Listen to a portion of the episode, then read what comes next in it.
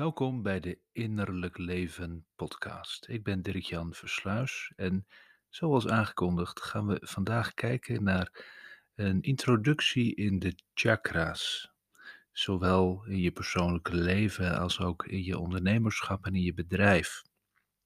En het is een eh, introductie omdat het eigenlijk een potentieel heel groot onderwerp is dat denk ik gebaat is bij een hele goede en grondige inleiding. Het is namelijk een thema dat op het eerste gehoor meteen een, ja, een associatie geeft met het uh, misschien wat oosterse, misschien wat spirituele.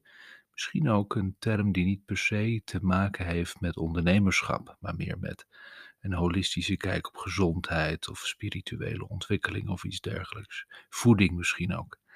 Um, en dat kan allemaal, want uh, de chakra's aan zich refereren aan een heel omvangrijk eh, gegeven, dat dus ook eigenlijk in verschillende settings van waarde kan zijn.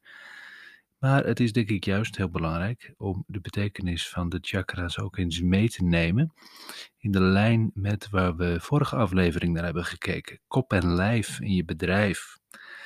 En um, dat is wat mij betreft ook wel een missing link, omdat de chakra's voor mij nooit een doel op zich zijn geweest.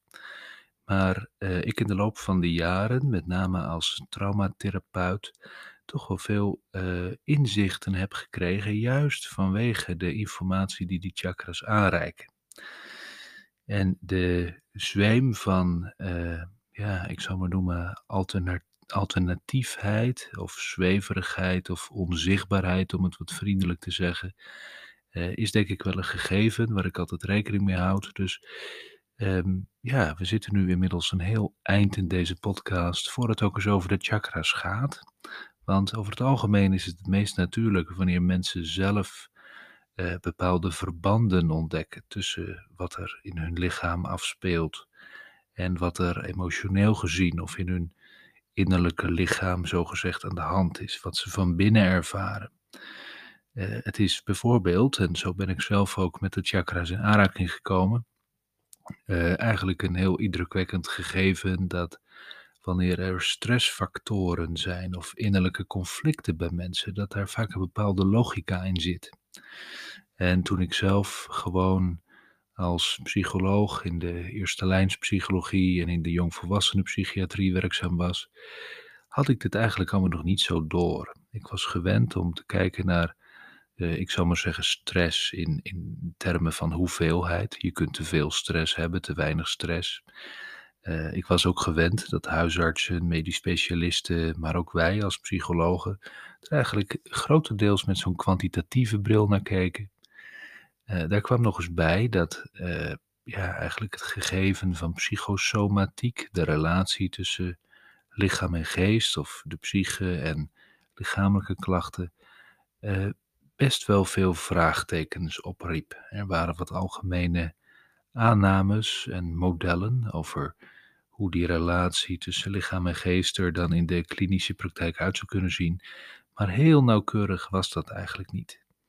En uh, ik herinner me ook nog wel dat ik in die tijd soms mensen behandelde die uh, aanvullend ook bij een acupuncturist kwamen of bij lichaamsgericht werkende therapeuten soms kwamen ze daar met veel meer gerichte inzichten vandaan.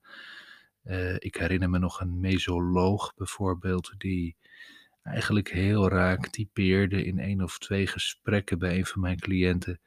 Wat ik eigenlijk zelf, nou, in, in, in misschien zeven of acht gesprekken nog lang niet boven water had.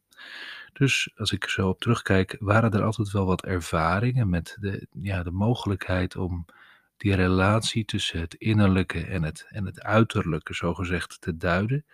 Uh, maar het heeft echt uh, van traumawerk afgehangen, eigenlijk in mijn geval, voor ik daar wat meer feeling mee ontwikkelde.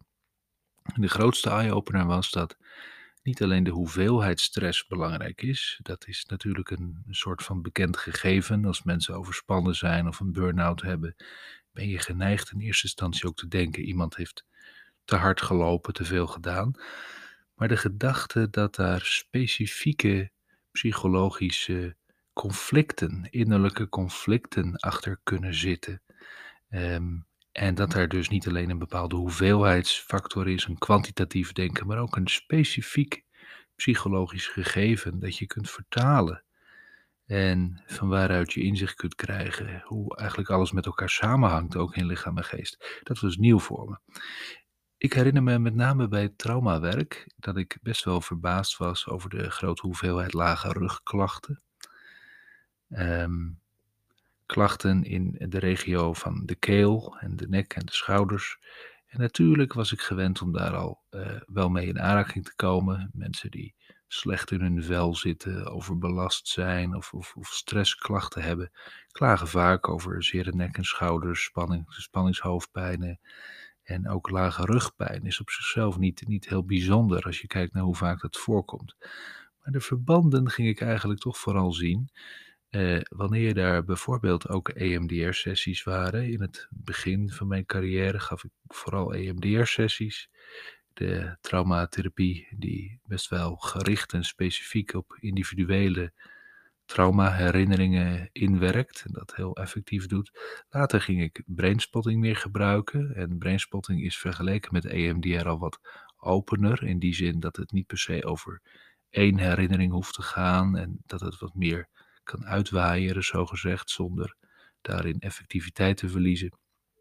Nou, eh, tijdens het doen van traumatherapie met dergelijke methodieken moest je echt wel blind zijn, vond ik, om niet te zien dat het lichaam zo duidelijk reageerde en als het ware meedeed op die ogenschijnlijk psychologische behandelingen. Want dat dacht ik toen nog, dat het om psychologische, puur psychologische behandelmethodes ging. En zo zijn ze misschien ook wel deels geprofileerd, zeker EMDR. Bij brainspotting wordt wel meer gezegd, het is eigenlijk een methode die op de neurofysiologie inwerkt en hij heeft alleen psychologische uitwerkingen. Dus het is niet puur een psychologische methode. Maar laat ik voor nu eventjes de, gewoon even passeren. Het meest indrukwekkende vond ik eigenlijk dat daar uh, heel veel lichamelijke consequenties waren na zo'n eerste of zo'n tweede sessie traumatherapie. En ook dat is niet nieuw, dat weet iedere traumatherapeut. Maar ik ging daar steeds meer de verbanden in opmerken. En toen ontstond ook een beetje de honger om dat te begrijpen. Want eh, het was voor mij eigenlijk toch wel duidelijk aan het worden dat hier een bepaalde orde of logica in te vinden was. En wat me toen steeds meer opviel, is dat gewoon simpelweg de spreekwoorden en de uitdrukkingen die we kennen, eigenlijk sowieso al refereren aan allerlei dwarsverbanden die er bestaan tussen eigenlijk de emotionele betekenis van dingen en waar ze op ons lichaam slaan. Natuurlijk gebruiken mensen, wanneer ze over hun worstelingen vertellen, ook zelf dat soort uitdrukkingen wel. Dus je kunt misschien meteen denken aan een steen op je maag of iets dat zwaar op je schouders drukt. Uh, ook hele specifieke opmerkingen die mensen soms spontaan maken, waarin ze een verrassend inzicht gaven in eigenlijk de relatie tussen hun lichaam en geest. En hoewel ik gewend was vervolgens primair met dat geestelijke aspect of dat psychische aspect, want het zijn eigenlijk nog wel verschillende dingen te werken, eh, ging het me steeds meer aanspreken om dat toch als één geheel te zien en zogenaamd holistisch te gaan denken. Um, hoe kwam ik nou bij die chakra's? Nou, aanvankelijk was dat niet het meest logisch. Uh, chakra's zaten voor mij toch wel een beetje in het alternatieve circuit. En hoewel ik in, in beginsel eigenlijk opensta voor alles, heeft het denk ik toch wel een aantal jaren geduurd voordat dat zo expliciet een thema voor me werd. Maar toen dat eenmaal ja, onder mijn ogen kwam, dacht ik, dit is fantastisch. Want hier zit zoveel kennis in die ik tien jaar geleden had willen hebben, uh, dan had ik veel meer kunnen, kunnen uitrichten. Maar goed, ik heb eens een muzikus gehoord die zijn eigen opnames ook niet terug kon luisteren. En daarbij relativeerde hij dan altijd, nou dat is een teken dat ik verder ben gekomen, dus dan is het ook allemaal goed. Uh, hij luisterde overigens nog steeds niet. Maar goed, dat terzijde. Die chakras had ik graag eerder gekend. Ik begrijp ook dat dat niet zo is, want wat ik ook in mijn eigen leven heb gezien, is dat je er eigenlijk toch een beetje, om met Johan Cruijff te spreken, ja, je gaat het pas zien als je het doorhebt. Het is toch iets wat je tegenkomt, wat op een gegeven moment een realiteit wordt. En ik denk ook niet dat het heel nuttig zou zijn om dat eh, even buiten de wetenschappelijke vraagtekens die je daarbij kunt stellen. Want het is natuurlijk geen mainstream wetenschappelijke kennis zoals we dat in de westerse psychologie zouden kunnen accepteren. Vooralsnog tenminste niet. Uh, ik denk niet dat het wat dat betreft in alle schoolbankjes thuis zou horen.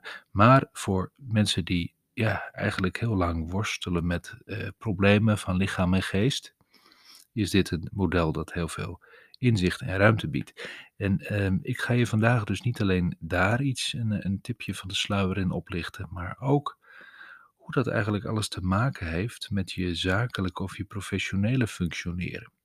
Dus ondernemerschap en leiderschap um, is misschien als, als vakgebied uh, nog wel verder verwijderd van die chakra's dan de psychologie is. Want de psychologie is tenminste nog een, een, een wat innerlijk gerichte wetenschap als het goed is. En ondernemerschap is best wel concreet. Gaat gewoon over het neerzetten van dingen, plat gezegd. Leiderschap is natuurlijk wel heel interpersoonlijk, maar speelt zich toch af in een context die altijd ergens wel een beetje definieerbaar en controleerbaar moet zijn. Um, dus ogenschijnlijk misschien een grote brug. Maar stay tuned, want ik denk dat juist deze brug heel veel inzichten kan geven. En daar gaan we de komende weken ook specifieker naar kijken. Dus waar gaan die chakra's nu eigenlijk over? Nou, in essentie staat of valt dat ook met het herkennen. En ik zeg dat nu met de H van herkennen, maar ook het erkennen. Het, het, het erkennen van het bestaansrecht van verschillende systemen die wij als mensen hebben. En natuurlijk is het helemaal niks nieuws om eraan te denken dat wij bijvoorbeeld een spijsverteringssysteem systeem hebben en een zenuwstelsel, het endocrine systeem. Uh, ga zo maar door. Dus er zijn sowieso al verschillende systemen in ons die actief zijn. Um, maar als het over psychologie gaat, wordt er vaak uh, vooral aan het mentale systeem en aan het emotionele systeem gerefereerd. Je zou ook kunnen zeggen het mentale lichaam en het emotionele lichaam. Dat wat je denkt en dat wat je voelt, wat je aan emoties ervaart. Als het gaat over stress en, en, en, en psychosomatiek, komt er eigenlijk ook nog de factor van het fysieke lichaam bij. En ja, dat is op een bepaalde manier heel concreet. Eh, niemand kan een, een, gebroken knie of een, of een hernia ontkennen. Dus dat is tastbaarheid ten top. Veel tastbaarder eigenlijk dan de psyche.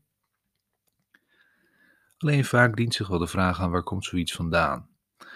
En eh, buiten het mentale, het emotionele en het, en, het fysieke lichaam eh, zou je kunnen zeggen dat met name wanneer het om psychotherapie gaat, toch een wat diepgravender en langduriger vorm van psychologisch werk over het algemeen, ook wel naar de karakterstructuren wordt gekeken, naar de persoonlijkheid van mensen.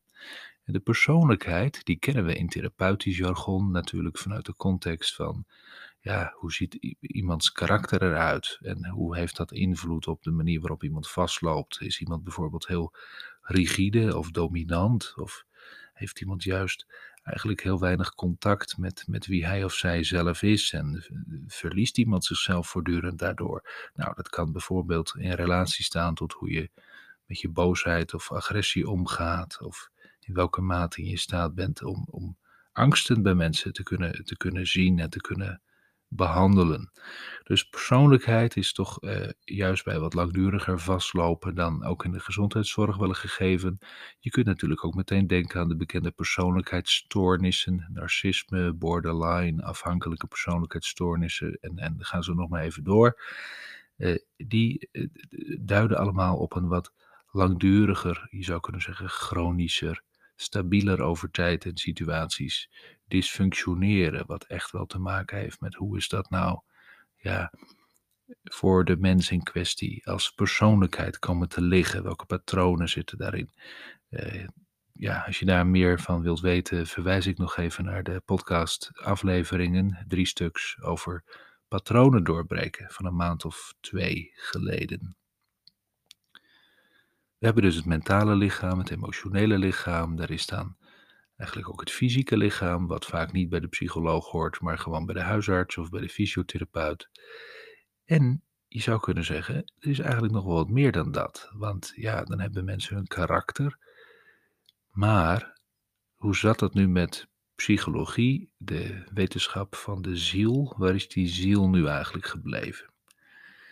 Nou, dat is een vraag die in mijn beleving veel te weinig gesteld wordt, want de ziel is natuurlijk behoorlijk verdwenen uit de wetenschappelijke psychologie zoals we die tegenwoordig kennen. Het gaat vooral om het aanwijsbare, meetbare gedrag en je weet ook pas dat iemand veranderd is wanneer die wezenlijk ander gedrag vertoont of zelf met woorden of in een vragenlijst, een test bijvoorbeeld rapporteert dat hij zich anders voelt. Maar er is voor alle mensen ook een binnenkant. Er is een onzichtbaar aspect van ons mensen. En omdat het onzichtbaar is, wordt het daar al snel een beetje oncontroleerbaar. En dan wordt het ook wel eens onduidelijk voor mensen. Is dat nou de ziel? Is dat de geest? Is dat de innerlijke wereld? Is dat dan meteen ook spiritueel en zweverig? Of is het eigenlijk nog wel mogelijk om dat op een veilige manier te beschrijven en te ontdekken? Nou, ook dit is een wereld waarvan ik zou zeggen, die ga je pas aan wanneer je hem echt tegenkomt, wanneer het een realiteit voor je is. En uh, juist wanneer mensen veel innerlijk lijden meemaken, veel traumatische ervaringen, traumasporen in hun, eh, in hun leven uh, gaan verwerken, komt er vaak heel veel los in die, ik zal maar zeggen, de inwendige mens. En dat inwendige is in beginsel onzichtbaar. Dus dat is eigenlijk wel heel bijzonder dat er heel veel belangrijke dingen gebeuren in onze binnenwereld, onze wezenlijke binnenwereld, wie we echt zijn, onze kern, ons wezen, ons zielenleven.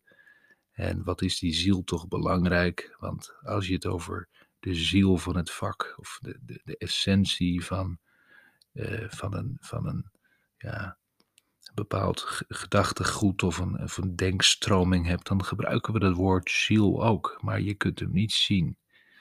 Je kunt hem ook wel voelen.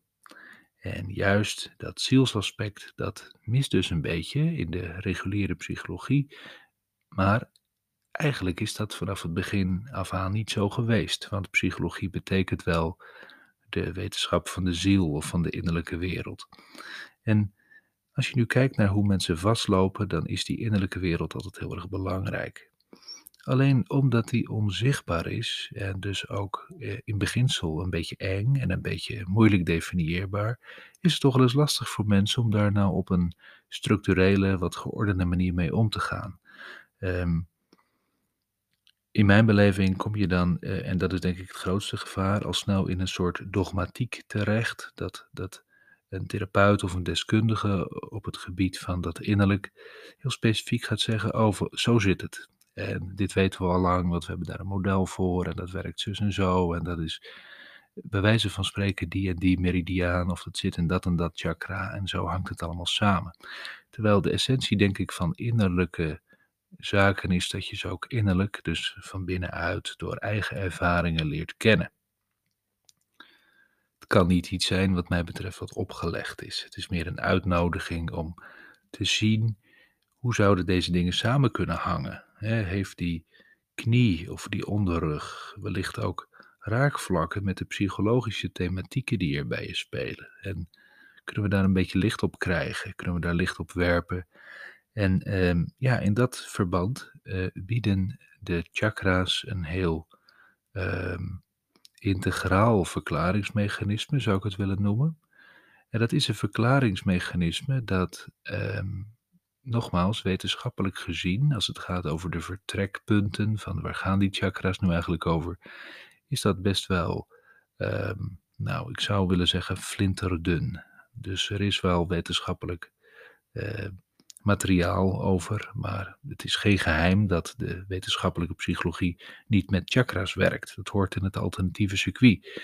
Tegelijkertijd is het, uh, ja, je zou kunnen zeggen, zo oud als de wereld. En hoewel het een, een, een, woord is dat uit het Sanskriet komt. Hè, en het duidt op een, op een wiel, een soort roterend wiel of een, rotondetje van, van, van levensenergieën, wat, wat circuleert, wat roteert op specifieke plekken. Ehm, hoewel het dus uit het, uit het oosten komt, uh, was ik heel positief verrast om het ook in andere woorden natuurlijk, eh, bijvoorbeeld ook in het Slavische gezondheidssysteem tegen te komen. En Ik heb echt geen enkele kennis van Slavische gezondheidssystemen, maar ik kwam daar via mijn gevechtskunst mee in aanraking. En ja, toen hoorden er ineens hele andere benamingen bij, maar ging het nog steeds veruit grotendeels over precies dezelfde plekken en locaties en ook dezelfde thematieken. Dus het is misschien niet wetenschappelijk, maar het is wel iets eh, wat in zichzelf een grote mate van samenhang heeft, veel inzicht geeft. En het lijkt ook een behoorlijk universeel gegeven. Ehm, en met name dat laatste is denk ik belangrijk, zodat je niet ja, tot aan nek en schouders op een gegeven moment in een bepaalde visie zit waar je dan in moet blijven zitten. Maar het is juist een heel uitnodigend raamwerk om eens over de thema's in je leven te leggen en te zien hoe dat bij elkaar komt. Maar goed, je raadt het al, het gaat natuurlijk helemaal niet alleen over je persoonlijke leven. Want zoals we dan zouden kunnen herkennen of erkennen dat je mindset belangrijk is in je succes of in je ondernemerschap. En dat de overtuigingen die je hebt jou vormen als mens, maar ook ja, je professionele functioneren beïnvloeden en misschien zelfs wel bepalen. Wie zal het zeggen? Uh, is altijd moeilijk om dat aan te tonen. Ehm, maar het is denk ik breed ingeburgerd dat, dat hoe je denkt over jezelf en over je mogelijkheden, dat dat wel een factor is. Ehm, als dat al zo is, dus als het mentale lichaam al zo belangrijk is voor ons succes, om het zo te zeggen, dan laat het zich raden dat die onzichtbare kant van de mens ook heel belangrijk is. En de onzichtbare kant van de mens, die kom je vaak tegen wanneer het helemaal niet zo goed gaat. We kennen van Carl Jung bijvoorbeeld het, het fenomeen schaduw, dat eigenlijk de roze olifant in mensen heel bepalend is. Dat je eigenlijk de ellende in je leven, de blokkades in je leven juist tegenkomt. Altijd op hetzelfde vlak, eigenlijk in dezelfde thematiek. En dat is dan iets wat je eigenlijk zelf veel te weinig in de gaten hebt. Je, loopt steeds, je stoot je neus steeds tegen dezelfde steen.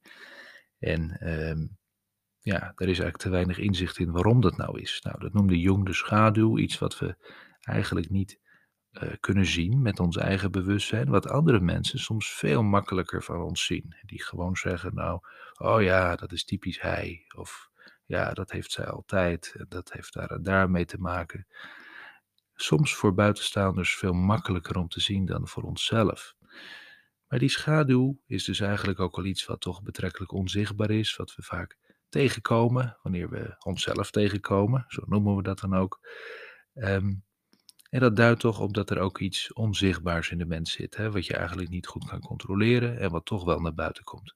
Nou, dat is een bezielde realiteit, zou ik het willen noemen. Een innerlijke, levendige wereld, waar ook echt wel krachten werkzaam zijn. Ehm, dus onzichtbaar, wel voelbaar, wel dynamisch. En daarom ook belangrijk om wanneer je naar mindsets kijkt en ondernemerschap, of wanneer je kijkt naar de, de vermogens die leiders en bestuurders moeten hebben om overzicht te houden, met mensen om te gaan, te zien wat wil er in mijn team of in mijn afdeling nou eigenlijk gebeuren, wat is de teneur daar, waar lopen ze op vast, wat zijn de sterke kanten, of om het wat ouderwetser te zeggen, wat zijn de deugden en de ondeugden die daar zichtbaar zijn. Dat zijn eigenlijk altijd onzichtbare processen. Misschien herken je dat in het zakelijke leven wel wanneer er over kernwaarden bijvoorbeeld wordt gesproken. Dat is enerzijds heel belangrijk, anderzijds al snel een beetje vaag. Dus ook in de zakelijke omgeving zijn er innerlijke aspecten die heel belangrijk zijn. Als het om je professionele functioneren gaat, eh, kan het ook nodig zijn om die mindset, simpelweg, hoe denk je, hoe liggen je overtuigingen, hoe vormen die je gedrag, je performance, je prestaties, om dat toch nog wat dieper en integraler aan te vliegen en te zien dat er evenals bij traumatherapie eigenlijk allerlei dwarsverbanden bestaan, die misschien wel verklaren waarom je bijvoorbeeld te weinig vertrouwen hebt, of weinig stressbestendig bent, of wat wij bij ondernemers heel vaak zien, eigenlijk een hele moeilijke relatie met de materie, met geld, met stoffelijke dingen. Aan de ene kant heel veel willen verdienen, en als je dan die omzet hebt, het nog niet ervaren als overvloed of nog steeds de angst hebben om alles kwijt te raken. Nou, dat zijn voorbeelden van thema's die je kunt herkennen in je leven en waar de chakra's een heel aardig inzicht in kunnen geven. Waar heeft het nou mee te maken? Hoe hangen die dingen met elkaar samen? En dat betekent dus ook dat je kunt gaan werken aan een oplossing die eigenlijk niet alleen op één gebiedje van je leven impact heeft, maar die veel meer integraal karakter heeft, die op alle gebieden terugkomt. Nou, deze introductie eh, dient dus vooral om daar eh, de mogelijkheid van aan te reiken, de eh, belangrijke erkenning die in die chakra's zit, is eigenlijk dat er een onzichtbaar lichaam ook is, waarvan je zou kunnen zeggen dat gaat op de ziel, dat gaat op de geestelijke mens, de innerlijke mens. En dat is niet alleen een mysterieus grotje ergens in mijn hoofd of in mijn hart. Nee, dat is eigenlijk aanwezig in mijn hele lichaam. En daar zou je een soort topografie van kunnen maken. Daar is een een relatie tussen wat er in mijn innerlijk gebeurt en waar dat uitwendig in mijn wat meer tastbare lichaam naar buiten komt. Um, en het lijkt me heel leuk om in deze fase van het jaar, het is uh, zomervakantie, uh, om hier eens eventjes uh, een aantal weken bij stil te staan. We hebben zeven van die chakra's in totaal, dus dat zijn sowieso zeven afleveringen. Vandaag de introductie uh, volgende keer ga ik specifiek uh, beginnen bij het onderste chakra, dus de eerste van de zeven van de onderkant gerekend. Dat is het stuitcentrum. En dan verschuiven we er steeds eentje omhoog.